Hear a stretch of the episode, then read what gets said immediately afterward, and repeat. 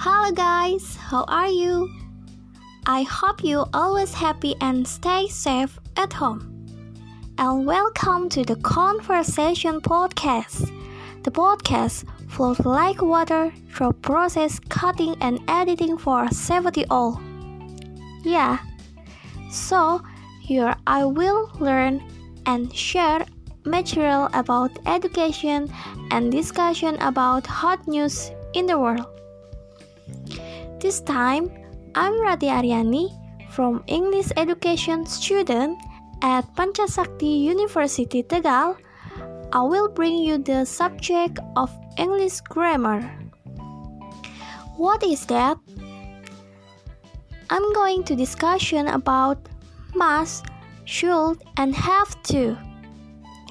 Don't forget before listening, let's follow this podcast and follow our social media account at hiradiarya underscore. Have a listen me.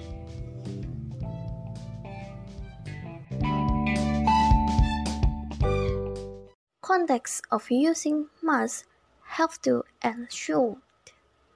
There are several contexts and conditions in the use of must have to, and should. What are they? The first, expressing obligation. Expressing obligation is one of the functions of must and have to. Must is used to express a necessity that comes from the speaker, while have to express a necessity that is based on the situation. For more details, let's look at the following example. I must see the doctor. I have to see the doctor. In the sentence, I must see the doctor, the speaker feels that he must go to see a doctor, and it is very important for him to do so. No other person or situation require him to leave the necessity comes from itself.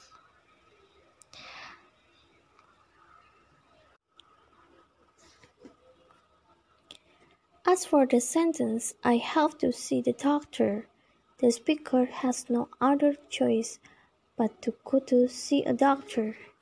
He had to do it because maybe it was time for a routine checkup. His meds had run out or the doctor told him to come. In this context, necessity comes from the situation, not from oneself. However, to express necessity in any context, have to is used more often in English conversation than must when we speak in English and want to express necessity you have to make it sound more natural. Use must to explain imperative in formal writing form. Example, children under 16 must be accompanied by adults. All visitors must present a valid ID card before entering the venue. Difference between in the negative form the word must must be used, must not, or mustn't to express necessity because have to in the negative form do not have to don't have to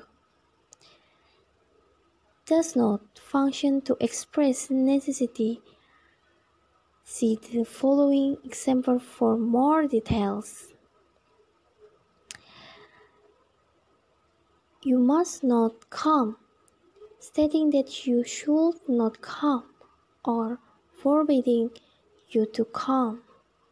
You don't have to come, stating that you can you can't come, but you can come if you want. Giving advice. Yes, this is two contexts.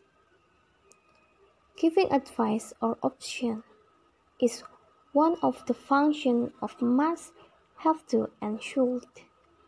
Is there a difference between these three words in expressing a suggestion? Of course, there is. You can look at the example below and ex examine the difference between the three sentences. The first, you should try traveling to Bali. 2. You must try traveling to Bali. 3. You have to try traveling to Bali. In the sentence, you should try traveling to Bali. The speaker sounds natural, natural.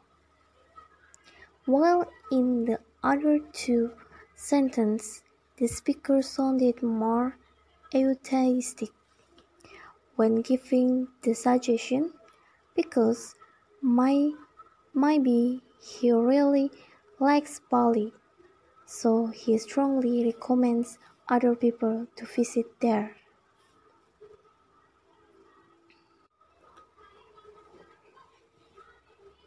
In conclusion, in general, we can use should to express suggestion and options. In addition, we can also use must and have to to express a stronger suggestion or opinion, or when we really want someone else to try our suggestion. What about the negative form? The use of should, should not, or shouldn't must be used if you want to give an opinion, while the use of must and have to in the negative form will change the meaning of a sentence for example, the first, you shouldn't be too hard on yourself, gives advice not to treat yourself too hard. Two, you must not be too hard to yourself. Forbid not to treat yourself too hard. Three, you don't have to be too hard to yourself informing that not to treat yourself too hard, but to do it if you want.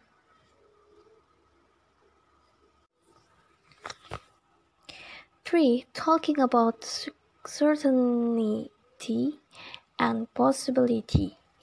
In a condition to talk about certainty and possibility, we can use must and should.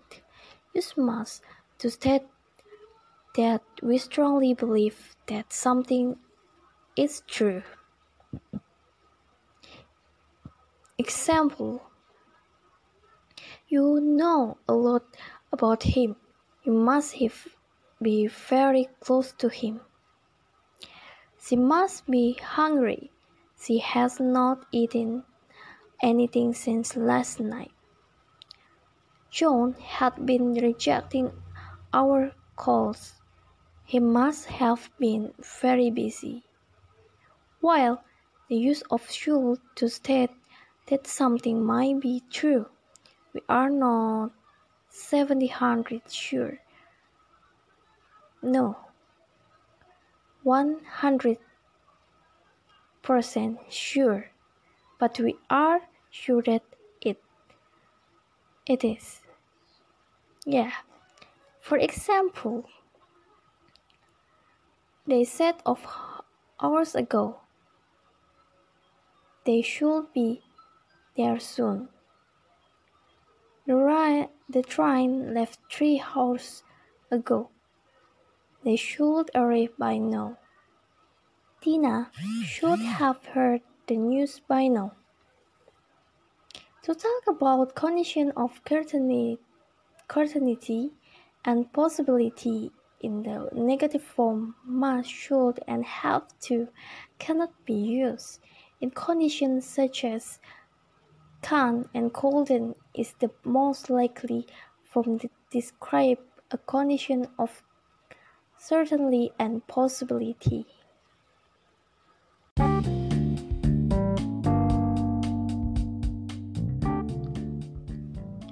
Okay, the next session about question in online discussion at SpanishDictionary.com, and this is an answer from online netizen.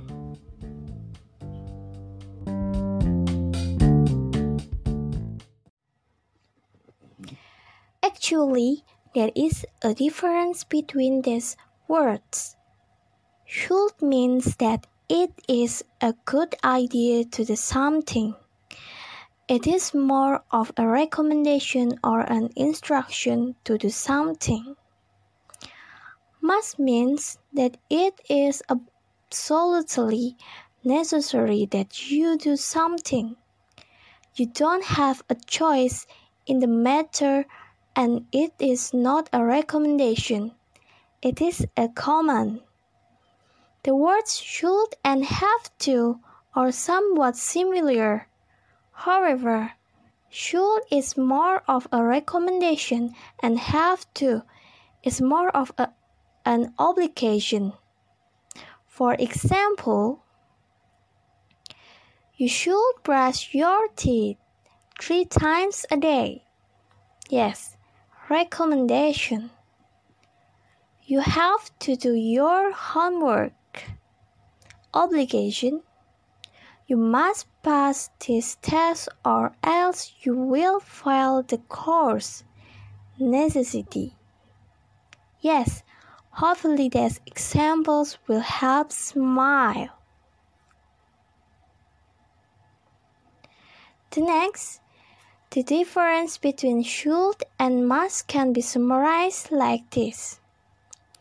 You should do that means it is advisable, recommended that you do that. You must do that means you are forced, complete to do that.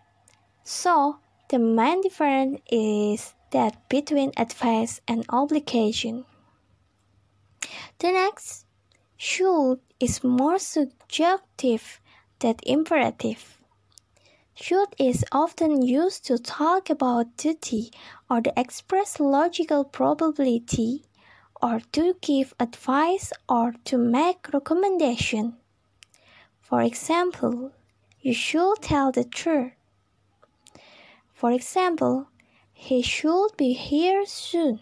He left home at 6. Must and have to are more imperative in nature and generally expected not to be disobeyed. Must is a little stronger and a little more formal and sometimes more urgent. Have to is a very common in American English. Must is used mostly to talk about obligations to talk about the feelings and wishes of the speaker and hearer and for logical conclusions also. For example, I must finish this presentation by tomorrow. Yeah, I want to finish it. With have to, the obligation comes from somewhere else or for routines. For example, I have to finish this presentation by tomorrow or my boss will be very mad at me.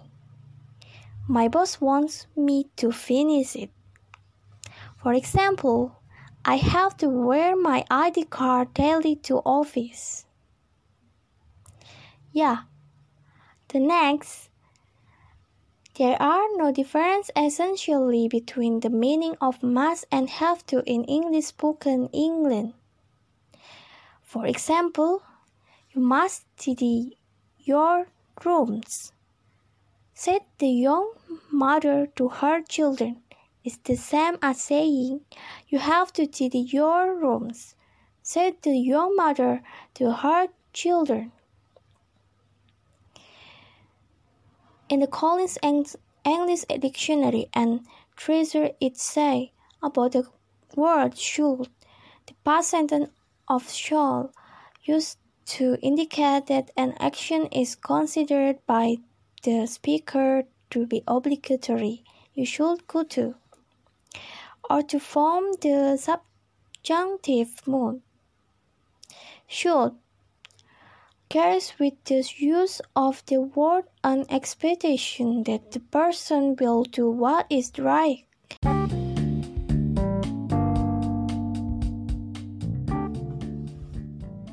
Thanks for listening to this podcast. May you always be comforted. See you back at the next episode, the Conversation Podcast. Don't forget to follow this podcast and follow my social media account at Hirati Arya underscore. Thank you. Bye bye.